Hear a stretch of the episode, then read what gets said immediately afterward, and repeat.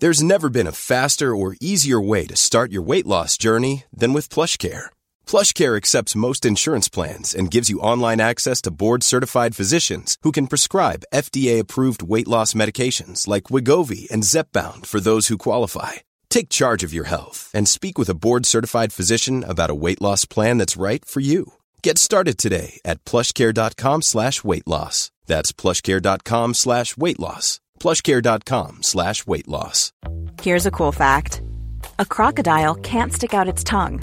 Another cool fact you can get short term health insurance for a month or just under a year in some states. United Healthcare short term insurance plans are designed for people who are between jobs, coming off their parents' plan, or turning a side hustle into a full time gig. Underwritten by Golden Rule Insurance Company, they offer flexible, budget friendly coverage with access to a nationwide network of doctors and hospitals. Get more cool facts about United Healthcare short term plans at uh1.com.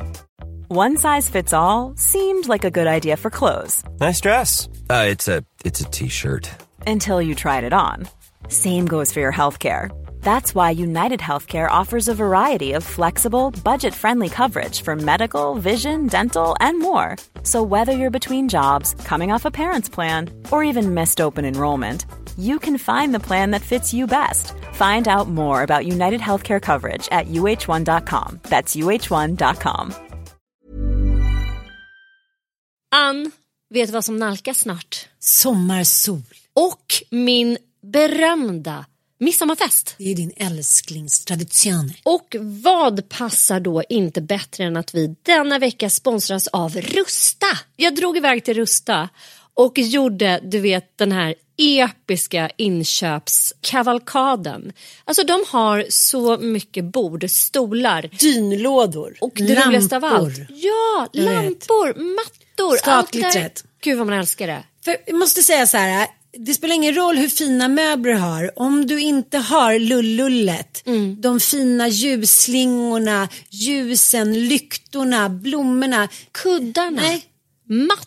precis. de det måste utemattor. spegla Ja. livet. Det underbara livet. Hörni, gör som vi. Gå in på Rusta och botanisera bland alla deras helt fantastiska utemöbler och allt sortiment av det vi väljer att kalla skatklitter för din sommarfest. Tack Rusta för att ni sponsrar inte din morsa. Tack, vi är så glada. Och sen så tänker jag att just att driva de här frågorna med, med jämställdhet. För att det är så oerhört viktigt. För tittar man på de här FNs globala mål. Så 14 av de 17 målen så måste vi lyfta unga flickor och unga kvinnor. För att överhuvudtaget nå de här målen. Det är en förutsättning för hela den globala utvecklingen. Och vi vill ju skapa en bra framtid för våra barn och barnbarn. Ja, Men då är det bara att jobba, se till, lyft alla flickor, ge dem samma möjligheter som pojkar. Och unga kvinnor. Varmt välkomna till denna extrainsatta podd. Extrainsatt nyhetsartikel. Nyheter, mycket som har hänt. Det är mycket som har hänt ute i världen de senaste åren. Ja men det är det verkligen. Och eh, framförallt senaste ett och ett halvt åren. Ja. Vi har valt att göra den här podden med anledning av att det idag är den internationella flickadagen. Ja, Mm. underbart. Ja, det finns ju många dagar som har epitet. Det är kanelbullens dag och när vi var små fanns det väl till och med menlösa barns dag. Och, ja, man kan hitta på lite egna dagar. Men den viktigaste dagen som överhuvudtaget går att uppbringa just nu är internationella flickadagen. Det är alltså en av FNs internationella dagar som instiftades av FNs generalförsamling i december 2011. Precis. För att då uppmärksamma flickors särskilt utsatta situation. Och initiativet till den här dagen kommer ursprungligen från Plan, alltså barnrättsorganisationen Plan. Och under den här podden så kommer vi ha ett flertal gäster från Plan med oss. Och vi vill alltså sätta fokus på flickors eh, rättigheter och flickors särskilt utsatta situation. Kanske främst efter och under coronapandemin. Precis, för så här är det ju och det här är ju historisk, eh, en historisk evidens att eh, under eh, krig eller kriser och pandemi och liknande så är det flickorna och eh, unga kvinnor som är mest utsatta. Och enligt FN nu då så har eh, utbildning och ja, kvinnors och flickors liksom, rättigheter slungats tillbaka mellan 20 och 30 år tillbaka i tiden under corona. Mm. Det är så miljontals flickor och pojkar såklart som inte har gått skolan och eh, de fattiga länderna har såklart drabbats mer och eh, även tjejer då eftersom man faktiskt Framför allt flickor. Mm, mm. Och det som har hänt under coronan är ju framförallt att eh, deras utbildning är kraftigt eftersatt. Mm. Skolor har ju stängts igen eh, över hela världen, inte bara i Sverige förstås. Eh, och i eh, utsatta delar av världen så säger det sig självt eh, att det är svårt för barn att då ta del av utbildning digitalt eftersom det inte finns datorer och smartphones i samma utsträckning och ingen möjlighet att sända då undervisning digitalt heller. Eh, det har helt enkelt eh, resulterat i att flickor har tvingats sluta gå i skolan. Och som du säger Ann, 20 30 år tillbaka i tiden och vad ska man göra med de här flickorna då? Nej men man gifter bort dem. Vi har, vi har gått tillbaks till så medeltida maner eh, när det gäller flickor. Och eh, vi blev så otroligt upprörda när vi började läsa om det här och förstå vidden av det. För vi har haft ett väldigt så här, ensidigt fokus under coronan och under pandemin på oss själva på liksom konsekvenserna för Sverige, alla dödssiffror här. Och det är klart att man inte ska förringa det. Det är jättetragiskt över hela världen förstås. Samtidigt så måste vi inse att vi sitter här nu i ett land där väldigt många är vaccinerade. Vi har klarat oss hyfsat bra. Våra barn får fortsätta gå i skolan. Men i andra delar av världen så ser det inte alls ut så. Alltså de är fortfarande i en brinnande pandemi och det, mm. det, det är inte ens i närheten av att de kommer få möjlighet att vaccinera sig. Eh, så pandemin fortsätter där eh, och försämrar levnadsvillkoren framförallt för flickor över hela världen. Så här är det ju. Kvinnor och flickor eh, jobbar ju i en, liksom, i en sektor som har varit överrepresenterad, som har drabbats hårdast. Det är så här, ja, men allt från hotell till restauranger till eh, frisörsalonger till, ja, vad ska man säga, mm. som vi brukar kalla kanske lite mer för, för mjuka värden. Mm. Och eh, det här gör ju att de blir mycket mer sårbara. Deras sårbarhet ökar till exempel, de blir ju till exempel deras anställningsskydd, mm. deras säkerhet som allt från, som vi har hört mycket om att det har varit mycket övergrepp, det finns ingen liksom social security. De har ju alltså blivit, kvinnor har blivit så extremt mycket mer utsatta och nu väljer ju liksom statistik och forskning inom att eh, ja, vi måste göra någonting nu, vi måste göra det tillsammans för annars är vi tillbaka in i, som du sa, i medeltiden. Och det som händer då när det inte finns eh, ja, men, hygienartiklar som bindor mm. eller papper eller chans och liksom, det finns ju, på många ställen har de inte ens vatten på skolorna. Och eh, det här gör ju såklart att många flickor stannar hemma för de skäms då att det ska synas eller att det ska lukta. Eh, och när de inte kan sköta sin hygien i skolan så riskerar de såklart att drabbas av olika infektioner. Och jag tänker att vi sitter i vår privilegierade värld och eh, tycker att det kan vara pinsamt då om det, jag menar, man har blödigt igen och unga tjejer tycker det skäms då för att ja, fråga om mensskydd. Då kan ni tänka er hur det är här då med dessa eh, ja, och rent historiskt så är det ju alltid så att, att äh, människor, även i Sverige så har vi satsat mycket mer på pojkars utbildning än på flickors. Det där har ändrat sig. Nu är det fler tjejer och kvinnor som äh, går liksom utbildningar, särskilt äh, avancerade utbildningar. Men så är ju de här utvecklingsländerna att man tänker då att varför ska vi slösa pengar och vad ska jag säga ja, effort på att flickorna ska gå i skolan för de ska ändå bli bortgifta. Mm. Vi vill ju med denna podd upplysa er om vad som händer om, eh, här runt om i världen. Men vi vill också engagera er och på olika sätt försöka förmå er till att bli lika vad ska man säga, brinnande som du och jag blev när vi faktiskt hörde om det här.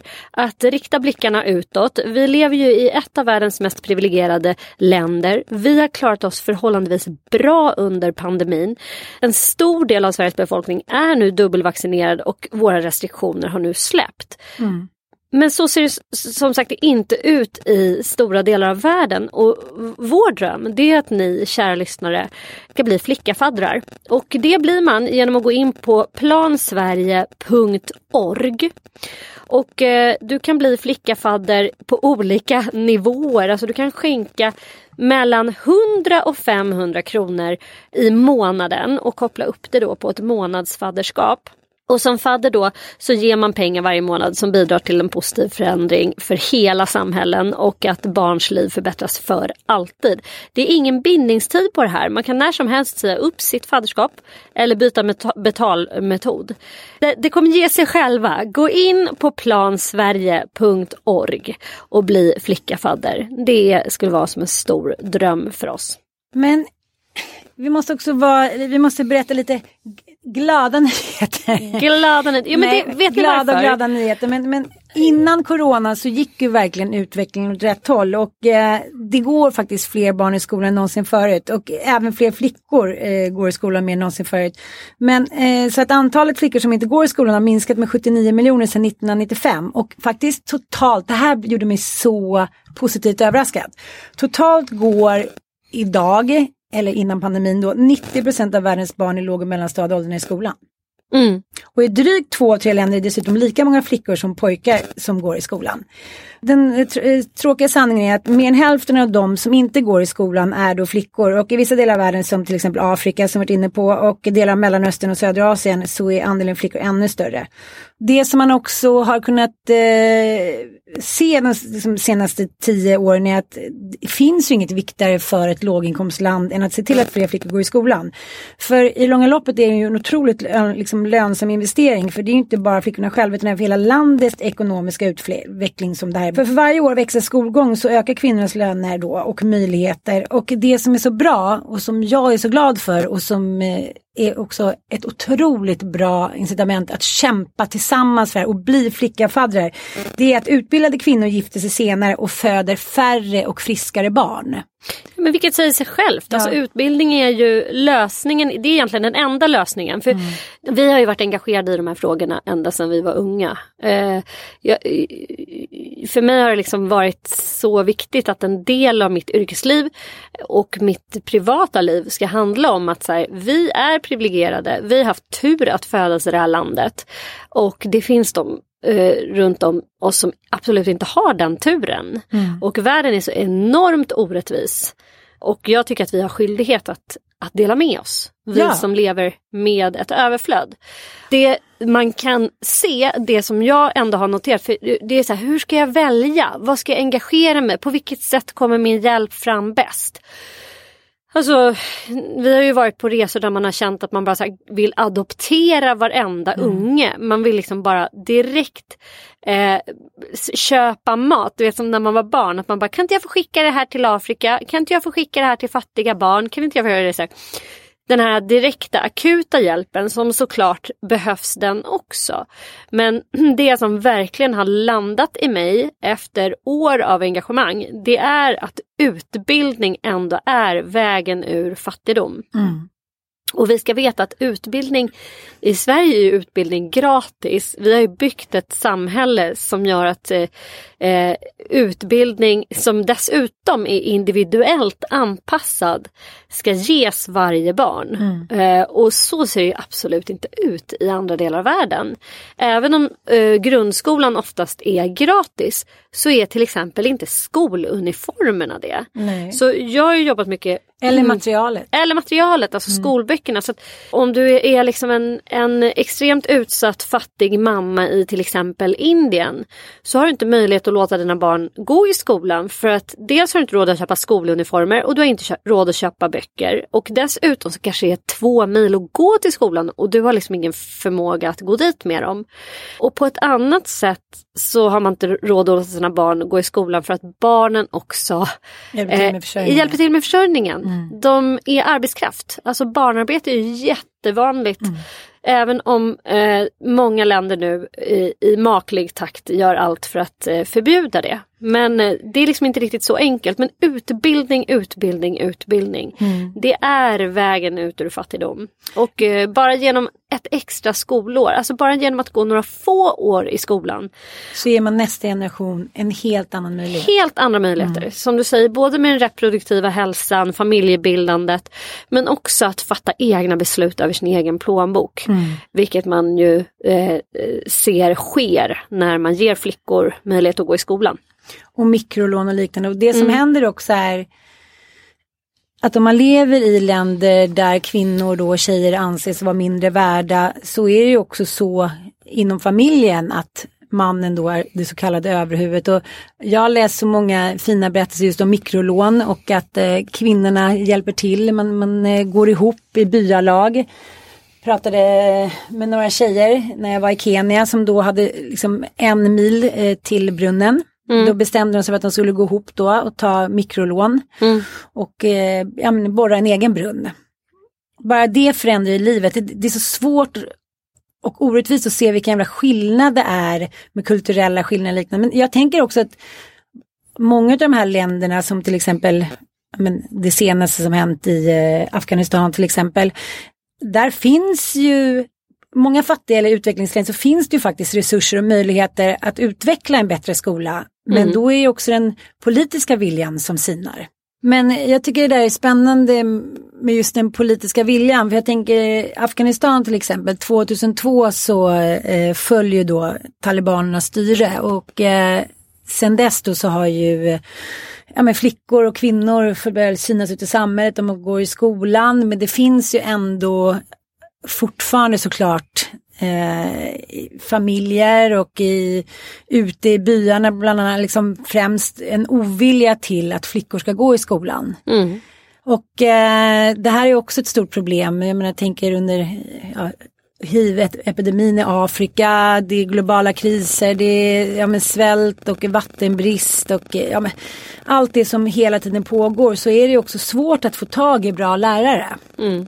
Men eh, jag blev så glad i somras när eh, ja, en kompis till mig som eh, jobbar nu för andra året på ambassaden i Tanzania. Och eh, i Tanzania då så eh, eh, pre- presidenten där då, John Magufuli, han eh, var ju en av de största covidförnekarna. Mm. Eh, och under ja, det här första året då så rapporteras det ju bara eh, 500 fall från Tanzania. Ah. Då kan vi jämföra det till exempel med, med Kenya där man eh, rapporterade över 100 000 fall. Mm. Men eh, ja, hur som helst, han eh, nekade det där och sen så plötsligt försvann ju han. Mm. Och var borta några veckor och eh, liksom ingen visste sig, vad var han, var han sjuk eller var han mördad eller hit och dit. Men det visade sig att, det- de, det visade sig att han då hade dött i covid. Han Mhm. var sjuk i covid. Så här. Ja, eh, och, Det är ju ändå sjukt att de största co- covidförnekarna Ja. ändå lyckas liksom ådra sig skiten och Ja. dö på kuppen. För det är ju inte alla som gör heller ska gudarna veta. Men nej. Ja, så eh, då så gick det några dagar och sen så eh, ja, svor då vicepresidenten Samia Suluhu som eh, tar över presidentskapet under resten av den här mandatperioden. Och hon är då utbildad i Storbritannien och eh, har rivit loss eh, kvinnors rättigheter och flickors rättigheter i det landet. Och eh, min kompis sa det, det är ju bara tre, fyra månader sedan som hon eh, blev president. Men herregud, det var, hela samhället har öppnats. Mm. Och eh, det är liksom en helt annan eh, ja, men inställning till kvinnors rättigheter och flickor och liksom, eh, ja det, jag menar att, att den här politiska viljan måste ju också finnas för att ett samhälle ska förändras. Mm. Så att eh, det är svårt och eh, där har vi också ett ansvar som medmänniskor eh, att liksom trycka på eller vara påtrycka att så här, ja, men stå upp för unga flickor så att det inte, vad ska jag säga, så att det ger liksom lite butterfly effekt i världen att man inte kan behandla flickor och kvinnor hur som helst. Det är någon så här, vad ska jag säga, global moral. En del utav er kanske undrar nu så här, men varför ska man bara bli fadder till flickor? Alltså gud, det finns ju massa pojkar som har- det jättedåligt också. Det är helt sant. Men vi lever faktiskt fortfarande i en värld där flickor dubbeldiskrimineras. Inte bara utsätts för fattigdom alltså, utan även i egenskap av sitt kön eh, utsätts för mycket, mycket större påfrestningar än vad pojkbarn gör i utsatta delar av världen. Eh, visste ni till exempel att 120 miljoner flickor har utsatts för sexuella övergrepp i världen? En av fem flickor i världen är gift innan de fyller 18 år. Jag har tänkt så här, ja men barnäktenskap, men det är väl så här, det är väl på utdöende. Nej, nej, nej. Eh, I och med coronan så har vi som sagt slungats tillbaka i tiden så nu är Mm. då barnäktenskap, eh, det är lösningen på alla problem. Mm. För då slipper man försörjningsbördan att ha en flicka i familjen. Man gifter helt enkelt bort eh, sina flickor när de är så unga som möjligt i stort sett. Två miljoner flickor under 15 föder barn varje år. Och det här är också någonting som Plan eh, jobbar otroligt hårt för att stoppa. Alltså barnäktenskap och eh, alltså tonårsförlossningar. Eh, det säger sig självt att kroppen, varken psyket eller fysiken är eh, mogen för att föda barn.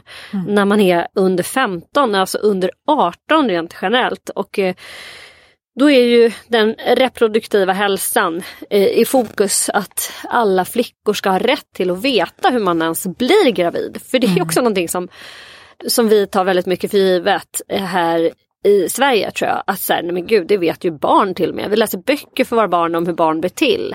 Eh, vi har utbildning i skolan. Även om den kan kännas lite förlegad så finns den ändå där. Det är blommor och bin och det är små sexualkunskapsdagar och det är liksom utbildande små föredrag och Ja, you name it. Och sen är föräldrar eh, oftast ganska engagerade i att få sina barn att förstå det här.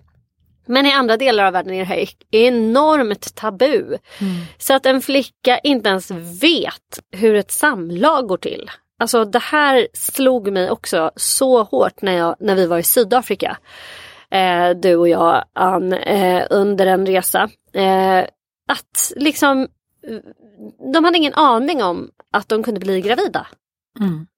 Och eh, det kunde gå flera månader och de fattade liksom inte vad som var på gång. Och Mm. då var det alldeles för sent att göra abort. Och det fanns kanske inte heller ens på tanken eftersom det är dyrt att göra abort. Mm. Eh, och det är inte alls en del, ett led i deras kultur på något sätt. Eh, så det här är ju någonting som Plan jobbar jättemycket med. Alltså att upplysa unga flickor och utbilda eh, barn och ungdomar i reproduktiv hälsa så att man faktiskt vet hur man kan undvika att bli gravid. Och att man vet att man ens är gravid. Mm. Det finns ju en väldigt tydlig och enkel anledning till varför flickadagen behövs och varför du behövs. Det är ju för att från den dagen som flickor föds så blir de diskriminerade. Och eh, som jag pratat om innan, skadliga normer och traditioner, man ska kalla det, begränsar många flickors liv. Och var tredje sekund så tvingas en flicka att gifta sig och 18 miljoner flickor föder barn varje år. 18 miljoner. Men det är så, det är så hisnande Ja. siffror och det är, eh, vi kan inte riktigt eh, greppa det. Det är svårt att se utanför sin egen horisont. Men det här är ett pågående jättestort övergrepp på hela eh, den kvin- världens kvinnliga befolkning som måste upphöra i detta nu. Och på flickadagen idag alltså så tycker jag verkligen att alla ni som lyssnar ska gå in på Plan International och bli antingen faddrar, bli flickafadder, för det behövs flickafaddrar. Vi behöver fokusera just på flickorna. Och det jag vill säga, det som jag tycker också är väldigt eh, men, spännande med att vara flickafadder är ju att man får ett litet brev, man får lite information om hur det går. Eh, så det, här, det är inte helt, eh, jag ska säga opersonligt. Nej, verkligen inte. Man kan, eh, som vi har varit inne på, att barn, eh, våra barn, jag tycker det är så himla vi- viktigt att eh, fostra, utbilda och lära mina pojkar om hur det ser ut i resten av världen. Och då är fadderskapet ultimat tycker jag. Och sen har ju, tycker jag, planen otroligt så här, köttig, härlig hemsida där man kan verkligen läsa in sig om alla projekt. Det, det är toppenläsning också. Jag läser för mina pojkar om Plans olika projekt och ja, allt som händer i den fantastiska organisationen. Och ni kan som sagt bli faddrar på olika nivåer. Det är ingen bindningstid på fadderskapet. Eller så kan ni bara swisha om ni känner för det. Och när jag var i Etiopien här för ett och ett halvt, två år sedan med min son Ossian så såg jag ju så tydligt med egna ögon vad de här pengarna gjorde för utsatta flickors fortsatta liv. För det är ju så här, trafficking ökar, Eh, sexuella övergrepp, allting har ju såklart blivit, eh, de har blivit ännu mer utsatta under pandemin. Men pengarna kommer fram och de hjälper. Ja, Ja. de gör verkligen det. Det. Det händer massor och som sagt under pandemin det kan kännas helt hopplöst för att världen på något sätt har gått tillbaks i tiden. Men det handlar också väldigt mycket om att fokus har legat på andra stöd, såna akuta åtgärder i de här länderna. Så nu är det dags att gå tillbaka och kämpa för en mer rättvis värld och att jobba med de här frågorna som stärker flickors rättigheter och framtida liv. Eh, så gå in på plansverige.org.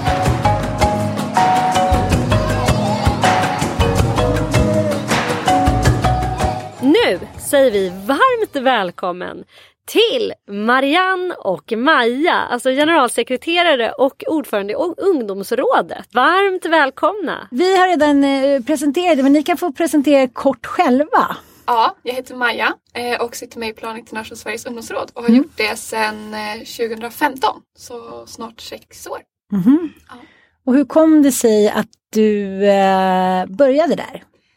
Nej men eh, jag har alltid velat liksom engagera mig i frågor eh, och så åkte jag till Gambia med eh, min familj. Mm. Eh, och där besökte vi SS barnbyar och fick besöka en skola. Och där kände jag att jag ville göra mer. Jag, hade ju alltid, alltså jag har ju alltid gjort lite i min kommun och så men jag kände att jag ville liksom göra mer och engagera mig i en fråga eh, och vara med i en organisation. Så då sökte jag. Men hur, eh, hur tycker du själv att din eh, utbildning har varit som flicka i Sverige? För att eh, nu är det ju en eh, global såklart kris, utbildningskris, men det finns ju de som säger att det även kommer vara en förlorad generation i Sverige med barn som liksom halkar efter och inte kommer ut på arbetsmarknaden. Det är någonting du märker av när du träffar dina kompisar. Och, hur gammal är du? Eh, 21. Ja, precis. då faller du under läget. Du, du, du fick inte vara äldre än så. Ah. Nej. Vad säger ungdomarna ute i Sverige? Det tycker jag är intressant att Om prata om. flickor. Ja, om Alltså, flickor, om, om, om vad som har hänt under corona. Det som man märker är att många unga flickor, eller alltså unga generellt har mått väldigt dåligt Ja. eh, under coronapandemin. Eh, just för att man har fått vara isolerad eh, och fått vara mycket själv. Eh, och många har pluggat på distans. Och det har ju varit liksom oerhört tråkigt såklart att man inte får göra saker som man får energi av och träffa vänner och, och så. Men också som många säger är att de har varit mycket mer på nätet. Eh, och där ser vi ju tyvärr att det är väldigt mycket trakasserier. Ja. Eh, och framförallt mot unga tjejer. Så det är någonting som man pratar om väldigt mycket. Mm. Mm. Och eh, jag hörde att det, det har varit mycket svårare för tjejer att vara isolerade än för killar. Ja. Unga tjejer i Sverige har mått mer psykiskt dåligt än killarna. Och det har säkert en del av det här att de blivit utsatta för trakasserier på nätet. Och där är ju också en, eh, en global effekt som man har sett. Och även i jobbsammanhang har jag hört. Mm. Ja. Eh, att det, så att, eh, ja, det här med nätet är också någonting som det kanske inte har pratat så mycket om. På vilket sätt eh, märker man nu utanför Sverige, ute, liksom, utvecklingsländer och liknande, vad, vad säger man? De som har haft tillgång till nätet är också de som har klarat sig bäst under den här krisen. Paradoxalt nog. Precis. Mm. Ja. Har du pratat någonting med ungdomar utanför Sverige? Ehm, alltså inte jättemycket. Jag har haft några, några möten med ungdomsråd från andra länder och så. Eh, och just förra året så släpptes en rapport om just hat och hot online på nätet. Eh, och där eh, pratar det väldigt mycket om just det att, som ni säger också, att nätet är också en väldigt viktig del. Man får information på nätet, man söker sig till nätet, man träffar andra likasinnade ungdomar.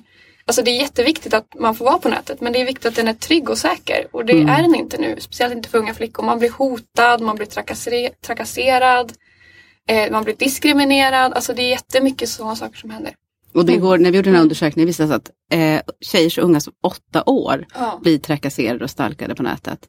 Mm. Så det här näthotet och nätvåldet som är, det måste mm, vi måste ju verkligen få de här digitala nätjättarna att tänka om och göra rätt. För det är ju inte så att de, de vet ju det här redan. De Mm. var ju uppe i kongressen Facebook Mm. nu igår Mm. Igår. och blev ifrågasatta. Mm. Så de vet ju om det här men de gör ju ingenting åt det. Och jag tycker det är helt makalöst att vi bara accepterar det. Men här har vi som föräldrar en jätteviktig roll. För vi har ett ansvar att faktiskt gå in och kolla vad är det våra barn gör på Facebook, hur funkar Snapchat, hur funkar TikTok, vad är det som händer, hur gör mitt barn? Eh, har hon liksom lagt ut sitt telefonnummer och är officiell eller hur, hur funkar det här egentligen? Och vi har ett jättestort ansvar att lära våra barn det här. Att, att klara av att vara på nätet. Men sen måste vi ju ligga på näthjärtan, näthjärtarna för de kan inte fortsätta som de gör. Vi måste få dem att göra nätet till en säker plats för alla barn och unga och speciellt flickor. Men vi pratade lite innan ni kom här om den politiska viljan. För i, i många länder så finns ju ändå möjligheter för att utveckla skola och jämställdhet, jämlikhet. Men den politiska viljan finns inte riktigt. Eh, och jag har en kompis som eh, jobbar i Tanzania. Och på ambassaden där och i och med den nya kvinnliga presidenten så sa hon att det har gått snabbt. att ändra på attityder. Så att, eh, fin, ibland får jag för mig att, att vi som sitter lite utanför och privilegierade, vi eh, vi tänker så här, ja vi får skänka pengar och vi får tycka lite synd om de här tjejerna och killarna men ja det är så här det blev typ. Men så är det ju inte. Nej men det går att ändra allting. Ja. Allt går att ändra. Bara när man tittar på Tanzania till exempel. De hade ju Magafolo som var president där. Han drog verkligen åt skruvarna på alla civilsamhällesorganisationer. Man fick inte prata om jämställdhet och det var, han förbjöd ord. Så det blir väldigt svårt för organisationer att verka och var man homosexuell till exempel så blev man ju förföljd och trakasserad. Ja, journalister Ja, så det var, det var verkligen svårt. Men det går ändå att göra saker i de kontexterna. Man får vara lite smart men, man, men det går att jobba. Man kan jobba på landsbygden, man kan liksom ändå förändra. Man får kanske ändra hur man säger saker. Men allt går att förändra därför att om man pratar om barnäktenskap, det går att förklara att det här är inte bra för samhället. För er som lyssnar nu så hör ni en annan röst och det är alltså Marianne som är generalsekreterare på Plan Sverige. Och eh, det du är inne på nu tycker jag är så otroligt viktigt. Eh, det är en sån viktig del tycker jag i eh, att engagera sig i en barnrättsorganisation eller människorättsorganisation. Att man faktiskt får se att det går att förändra saker. Eh, och att man hinner se det under en livstid som, du in, som båda ni är inne på här nu Tanzania. Du som har varit i det här gamet länge liksom, kan man ändå säga. Kan inte du berätta om några sådana här vändpunkter som du har fått vara med om under ditt liksom, yrkesverksamma liv? Ja men det är därför jag älskar att jobba på plan för att vi gör verkligen förändringar och förbättringar för barn och unga. Mm. Och det jag tänker på det är till exempel när jag var i Togo. Mm. Eh, där var ju barnäktenskap, ja men det gjorde man bara, det diskuterades inte och det fanns inte någon lag som säkrade heller att, att man inte skulle gifta sig med flickor. Mm. Men i vårat projekt så lyckades vi få med då lokalpolitiker, lokala beslutsfattare, religiösa ledare, föräldrar, lärare, läkare, barn och Mm. fam eh, alltså familjen, de föräldrarna. Mm. Och nu har de nolltolerans mot barnäktenskap. Så det har förändrats och det går att förändras. Vi har gjort precis samma sak i Dominikanska republiken, Mm. i Bangladesh. Eh, och I Dominikanska republiken, de trodde att vi var galna när vi sa att Nej, men vi ska stoppa barnäktenskap i, på Dominikanska republiken. Och alla bara, det där kommer aldrig gå, det är ju så vanligt. Mm. Det gick hur bra som helst. Det gäller liksom bara att ligga på och verkligen förändra. Men att få med sig de här beslutsfattarna, nyckelpersoner, sådana som man vet sätter agendor och kan driva processer. Mm. Ja men det är så hoppfullt. Ja. Och, och jag menar det är egentligen inte konstigare än att vi förbjöd barnaga i Sverige och eh, det är fullständigt otänkbart eh, att aga ett barn här. Eh, och alla tycker det. Det, är liksom, det landade hos gemene man bara inom loppet av ett par år.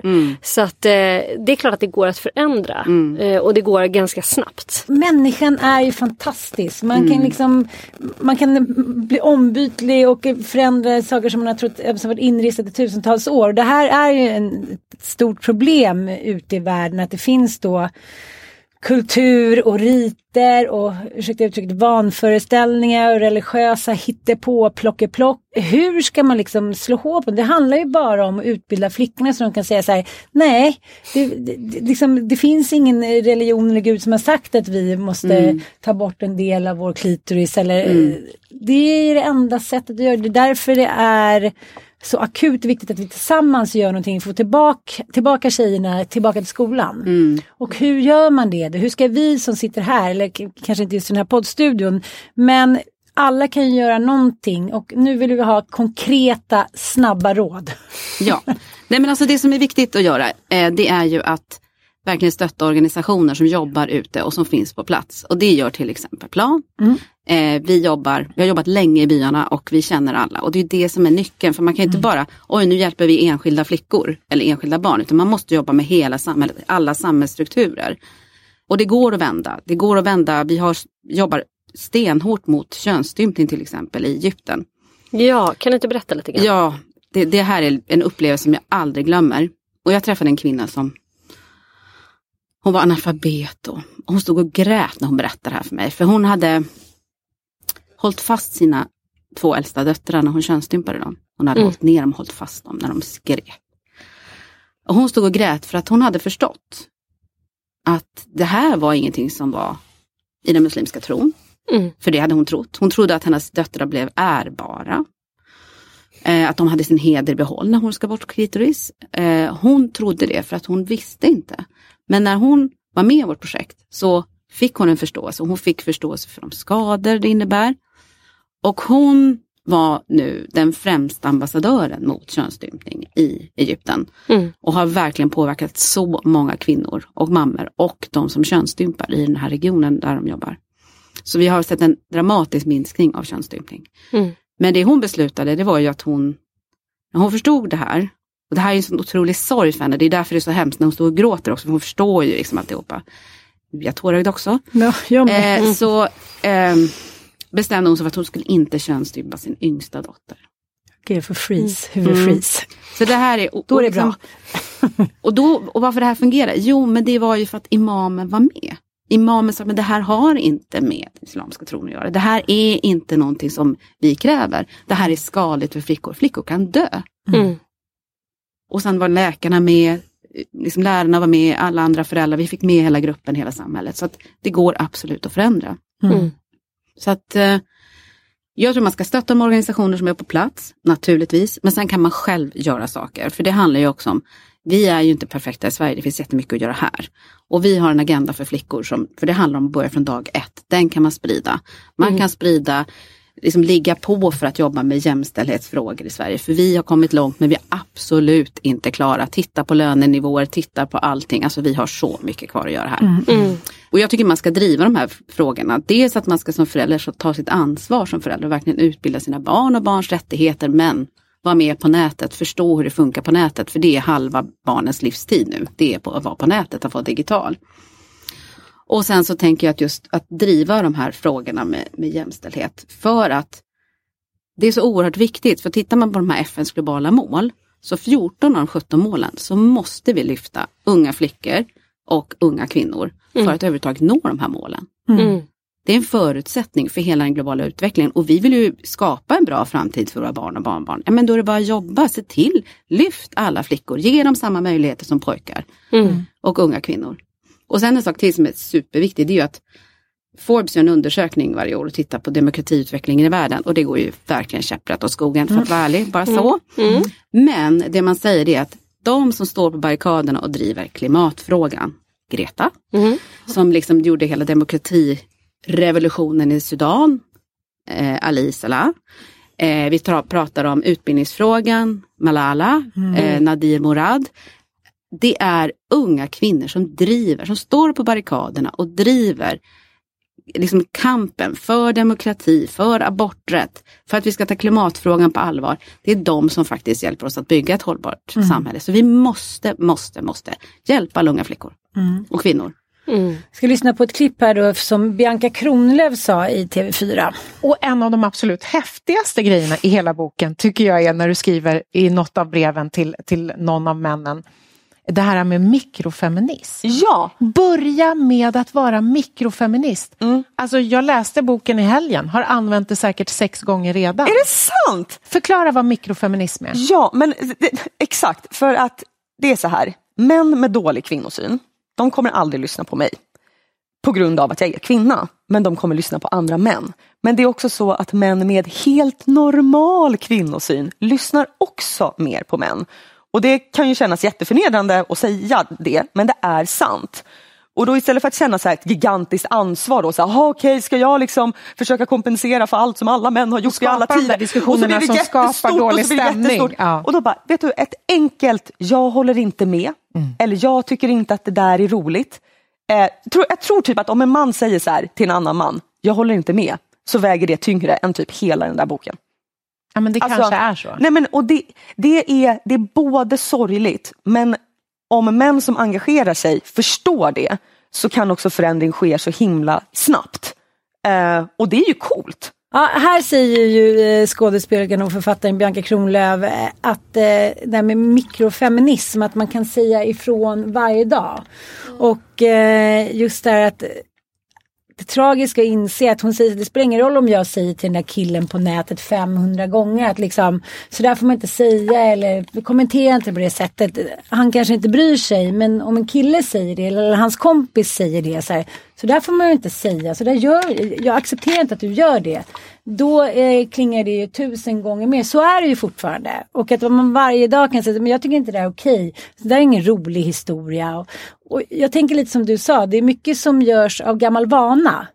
Eh, bara för att det alltid har varit så. Och jag tycker bara att ta liksom metoo, ja men nu har ju det också fått en liten backlash. Men, men just att man alltid kan förändra saker och få upprättelse och leva liksom sitt bästa liv. Och jag tror att det är viktigt att redan från början liksom insupa tjejer i det där att okej nätet det är ett roligt ställe att vara på men det är inte hela din värld. Du måste själv definiera dig, vem du är. Då kan det här bli liksom ja, något roligt tidsfördriv där ni kan hitta på egna grejer och ja, vad det nu är liksom. Nu är det en tjej som är 18 år och följer att hon visar sin rumpa hela tiden. Och det kanske är bra, hon har blivit rik på det. Det kanske är bättre än att någon annan tar bilder på hennes rumpa och lägger ut. Vad vet jag. Det är ju en omvälvande tid och det är mycket utmaningar vi står inför, särskilt för unga tjejer. Ja. Och eh, försvinner då utbildningen, eh, då liksom är vi tillbaka på ruta ett. Det får bara inte ske. Nej, men det går ju faktiskt att förändra. Ja. För en, nu, nu, jag ska, Jag jo men det jag tänkte som, som är en drivkraft för mig när det gäller att jobba med de här frågorna det är att min mamma som är född 1924 slutade skolan när hon var 12 för då skulle man satsa på hennes bror.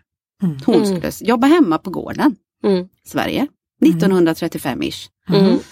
Och vad har hänt sedan dess? Ja, men alltså, vi har ju sett till att alla får gå i skolan, att det är gratis, att alla har samma möjligheter att verkligen utbilda sig. Det har ju hänt enormt mycket sedan dess. Och det är inte ens hundra år sedan. Mm. Och det går att förändra i Sverige och det går absolut att förändra i andra länder. Mm. Det går att göra. Mm. Och men det är en förutsättning för att vi ska kunna bygga en bra värld. Så är det att killar och tjejer ska ha samma möjligheter till Mm. allt. För det är då vi får en riktigt bra värld. Kan man ställa en sån här fråga? Vilka länder tycker ni känns mest, eh, vad ska man säga, bra utvecklingsfas när det gäller att liksom skapa jämlikhet mellan könen? Är det några länder som ni eh, jobbar på när det känns såhär, gud, Zimbabwe, nu är de på gång eller? Här händer det Ja. grejer. Sierra Leone ska jag vilja säga, där Jaha. tycker jag att det är, det, är, det är ett väldigt komplicerat land. Ja, otroligt komplicerat. Och det är ett kom, komplicerat land och rörigt. Men vi har ju kört ett projekt där, där vi har verkligen fått till stånd en, en, liksom en lagändring när det gäller barnäktenskap. Och det drev vi på väldigt, väldigt hårt. Och det fungerar att göra saker där fortfarande. Mm. Och det är på gång åt ett väldigt bra håll. Jag tycker Dominikanska republiken också är ett väldigt bra exempel. Där Mm. det går att göra saker. Och jag tror att Alltså tittar man på exemplet Dominikanska republiken där alla sa det här kommer aldrig gå plan, det kommer inte gå, ni ska inte börja med det här. Nej, nej, nej. Så tror jag också att det är väldigt bra när organisationer som är internationella går och driver på i länder utvecklingen också. För det är inte så lätt för en civilsamhällesorganisation i Tanzania att ställa sig upp mot sin president och kanske sen ja, riskera att flyta liksom, i, i bukten utanför. Mm. Så att då är det mycket lättare att internationella organisationer som har huvudkontor andra, andra ställen faktiskt är där och driver på.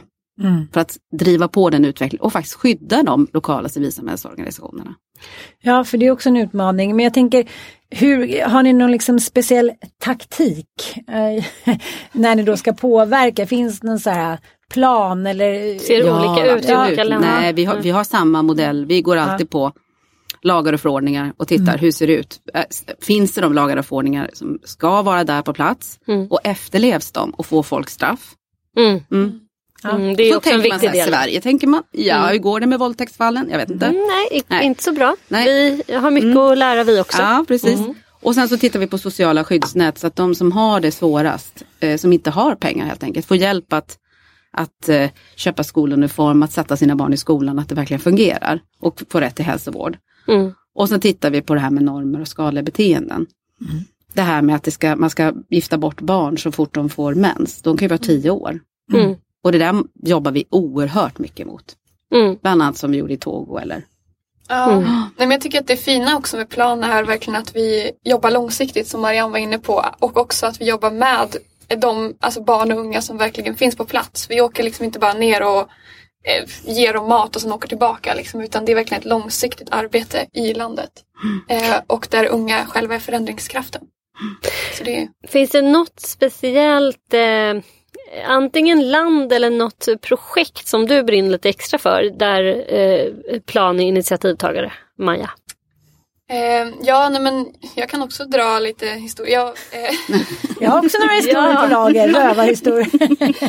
Exakt. Nej, men jag åkte till Indonesien eh, 2016. Eh, och då besökte, och Indonesien är också väldigt splittrat land. För det är ju också, vissa delar är väldigt liksom, har väldigt mycket pengar eller man säga och vissa de- delar är väldigt fattiga. Då var du 16 vill jag Eh, ja, bara understryka. Ja, Ja. precis. Ja, modigt. Ja, men jag åkte ju med organisationen så vi var några Ja. ungdomar som åkte. Men då, man, man märker verkligen att så här, som jag pratade om att unga verkligen är förändringskraften. För då var vi i ett projekt som handlade om just eh, Safe Schools som handlar om att man utbildar barn och unga i hur man hanterar jordbävningar och hur man hanterar naturkatastrofer. Och just det här liksom att man märkte att man hade också väldigt mycket fokus på just unga flickor. Att man såg att unga flickorna Eh, dels att de kanske inte gick till skolan men också när de verkligen var där att man verkligen såg att de att de fick, att man såg dem och att de fick utbildningen. Liksom, att de, att, jag tyckte det var så fint att se. Liksom. Mm. Att man hade just unga flickor som en liten målgrupp som man såg. Mm. Men jag tänker, det är en del att få tillbaka flickorna till skolan. Men sen handlar det om hur det är i skolan. Faciliteter, Mm. Precis. säkerhet. Och det här är ju en, många skolor har ju inte ens vatten. Mm. Eh, det handlar om mensskydd, säkerhet mot sexuella övergrepp. Kan ni berätta lite hur ni tänker kring säker, liksom att, att trygga de här flickorna när de väl går i skolan? Hur tänker ni där? Alltså där jobbar vi väldigt mycket med alltså, utbildningsdepartementen i länderna. För att vi ska inte bygga skolor själva utan vi ska se till att det som finns på plats blir riktigt, riktigt bra. Så vi går in och jobbar med utbildningsdepartementen och ser till att de säkrar att det finns toaletter och att det blir bra standard på skolorna. Sen tar det där lite olika tid eh, och vi får jobba också från liksom, lokalt där vi är på plats också, att verkligen se till att säkra det. Vi jobbar mycket med att just trycka på så att det blir centralstyrt allt det där. Eftersom vi är ute på plats också lokalt så tittar vi ju hela tiden på hur det fungerar. Men sen är det olika på olika platser. Jag menar i norra Nigeria där vi har Boko Haram problem, där jobbar vi med mobila skolor för att vi måste säkra att inte flickorna är på samma plats så att de kan bli kidnappade till exempel. Så att eh, vi jobbar väldigt olika beroende på vilket land det är och vilken situation det är. Eh, det blir också väldigt tydligt när man läser, det finns ju många olika organisationer ute, ni är en av dem och den vi gillar allra bäst. att ni jobbar med tjejerna som är det viktigaste vi har. Och eh, så är det bara, det behöver vi inte lägga in en liksom, värdering i. Utan vi måste se till att flickorna går i skolan, fortsätter skolan. Eh, det är så mycket vinster av det, både för ekonomin i det landet, också med, som vi pratar om, eh, barnäktenskap. Eh, menar, ett, ju mer utbildade tjejerna är, ju länge lever deras barn, länge lever de själva. Och så vidare och så vidare. Men en annan aspekt som jag tycker är ganska intressant som jag läste om, det är ju också att Även pojkarna har ju vinst av det här såklart. För det vet vi ju själva att, eh, att jag har ju en eh, sjuåring nu och vi pratar mycket om tjejer. Så, ah, jag träffade någon, han börjar ny skola. Har du, någon, har du några nya roliga tjejkompisar? Va? Det, det tar liksom, gud, jag är inte kär i någon. Nej, jag, det finns några roliga tjejer, har du lärt känna någon nya tjej? Nej, nej, nej. Att, att det finns under de här åren då från när man är sex år fram till man till exempel går högstadiet eller gymnasiet så går man ju tillsammans mot en värdeutveckling. Man lär sig kommunicera, man lär sig att vara mindre kritisk med varandra och man lär sig förstå varandra. Hela liksom ekosystemet eh, blir ju friskare och vackrare av att flickor och pojkar får gå kvar i skolan också tillsammans. Så det, det är också en vinst av det här. Är det någonting som ni har reflekterat över när ni har varit ute och rest? Ja, men vi jobbar ju väldigt mycket med just att ha blandade grupper. Mm. Eh, men sen är det så att vi har också program där vi bara jobbar med killarna. För killarna har en jättetrång mansbild i många länder. Mm. Och tvingas att ta liksom machoroller som egentligen inte är bra för killarna heller. De trivs inte i det heller. Så vi jobbar ju mycket med att faktiskt göra killar fria också. Också för att de ska kunna prata om sådana saker som hur behandlas kvinnor i de här länderna. Det är mycket våld, det är mycket övergrepp, eh, man respekterar inte kvinnor och så vidare. Så att eh, vi jobbar både med killar och med tjejer för att liksom få den här jämställdheten. För målsättningen är att alla ska bli fria Mm. och kunna bli sig själva. Men, men det är viktigt också tycker jag att inte liksom eh, vad ska jag säga, att inte eh, skapa en vacker bild av det det är där ute. För det, det är ju mycket som, som behöver ändras. Jämlikhet och jämställdhet och, och flickor är ju inte lika mycket värda nästan i någon del och inte ens Nej. i Sverige. Vi, vi måste erkänna det inför oss själva. Lika Mm. så att, med, så att vi alla på något sätt har det problemet också med rasism. Och vi kan inte gå omkring och tro att vi är, har kommit så långt i vår utveckling. För det är gamla värderingar även i Sverige. Vi måste liksom jobba på det varenda dag. Prata med våra barn, prata med oss själva framför spegeln. Prata med våra vänner. Mikroprata. Mm. Mm. Det tycker jag vi eh, alla ska öva på den närmsta tiden. En, en sista avslutande fråga. Det, vi, vi, vi inledde den här podden med eh, det sorgliga faktum att eh, pandemin och coronan har liksom slungat oss tillbaka i tiden på något sätt. Att det är så otroligt många barn och ungdomar under det här ett och ett halvt åren.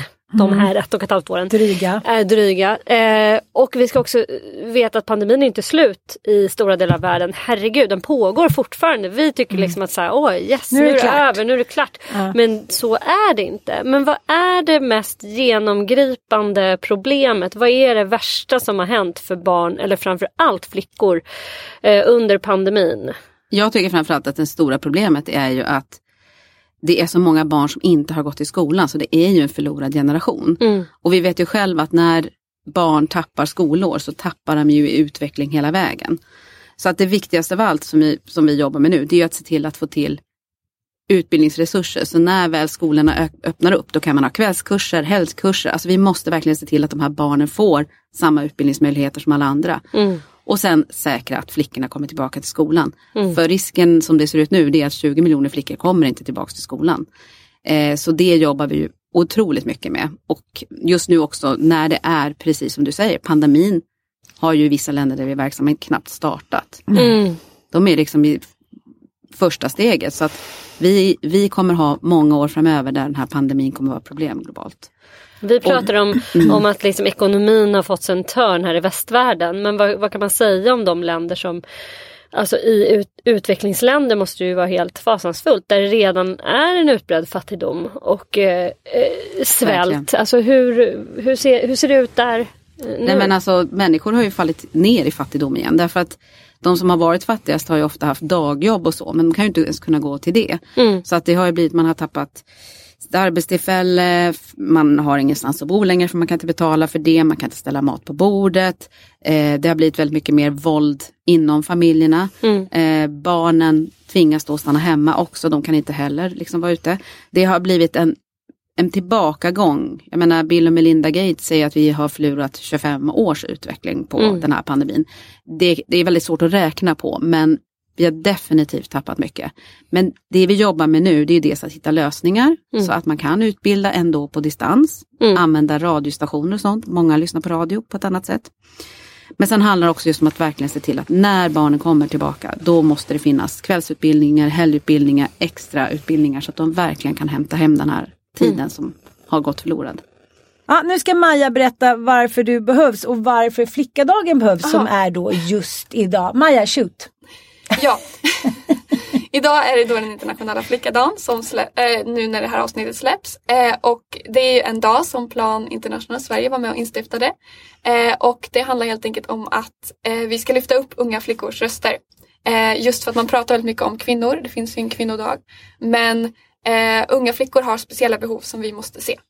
Mm. Gud vad bra. Och eh, som sagt, idag ska ni ta upp och era tummar ska vara ömma ikväll. eh, ni ska swisha för alla underbara flickor som behöver sin utbildning och ja, och har alla de här speciella behoven.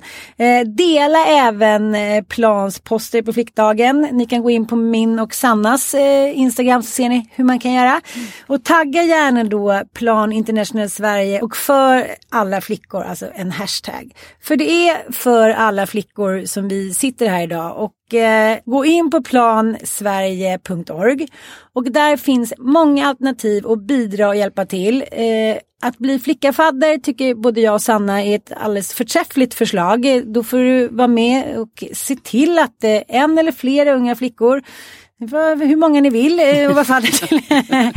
ni faktiskt eh, säkrar en trygg, ett tryggare liv för dem och en mm. bättre framtid. Mm. Man kan också swisha en engångssumma eller swisha hela kvällen om man vill. Vi kan alla delta som medborgare och vi har alla ett fritt val att vara eh, en del av den här, ja vad ska jag säga, tillsammans revolutionen. Men det är för att alla ska få en bättre värld. Ja, mm. vi det vill vi göra. Vi måste se till att alla barn får det lika bra och då måste mm. vi ha ett extra fokus på flickor för de har det mycket tuffare. Mm. Precis. Så swishnumret är alltså 973 11 973 11 och sen så om ni eh, tycker att det är jobbigt då kan ni bara trycka på eh, knappen här som är inne på Plan Sverige. Skänk pengar via Swish. Så trycker man bara. Eh, en engångsgåva och det behöver inte vara mycket men eh, någonting kan vi alla bidra med. Tack för att ni har lyssnat och eh, som sagt, nu gör vi det här tillsammans. Tack, Tack för att ni är här. Mycket. Tack. Tack. Tack.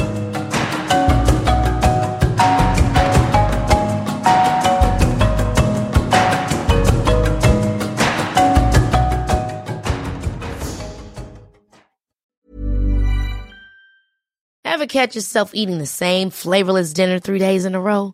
Dreaming of something better? Well, HelloFresh is your guilt-free dream come true, baby. It's me, Gigi Palmer. Let's wake up those taste buds with hot, juicy pecan crusted chicken or garlic butter shrimp scampi. Mm. Hello Fresh. Stop dreaming of all the delicious possibilities and dig in at HelloFresh.com. Let's get this dinner party started. Imagine the softest sheets you've ever felt. Now imagine them getting even softer over time. That's what you'll feel with Bowl and Branch's organic cotton sheets. In a recent customer survey, 96% replied that Bowl and Branch sheets get softer with every wash. Start getting your best night's sleep in these sheets that get softer and softer for years to come. Try their sheets with a 30-night guarantee. Plus, get 15% off your first order at bowlandbranch.com. Code BUTTERY. Exclusions apply. See site for details. Hey, it's Paige DeSorbo from Giggly Squad. High quality fashion without the price tag. Say hello to Quince. I'm snagging high-end essentials like cozy cashmere sweaters, sleek leather jackets, fine jewelry, and so much more. With Quince being 50 to 80% less than similar brands. And they partner with factories that prioritize safe, ethical, and responsible manufacturing. I love that. Luxury quality within reach. Go to quince.com slash style to get free shipping and 365 day returns on your next order. Quince.com slash style.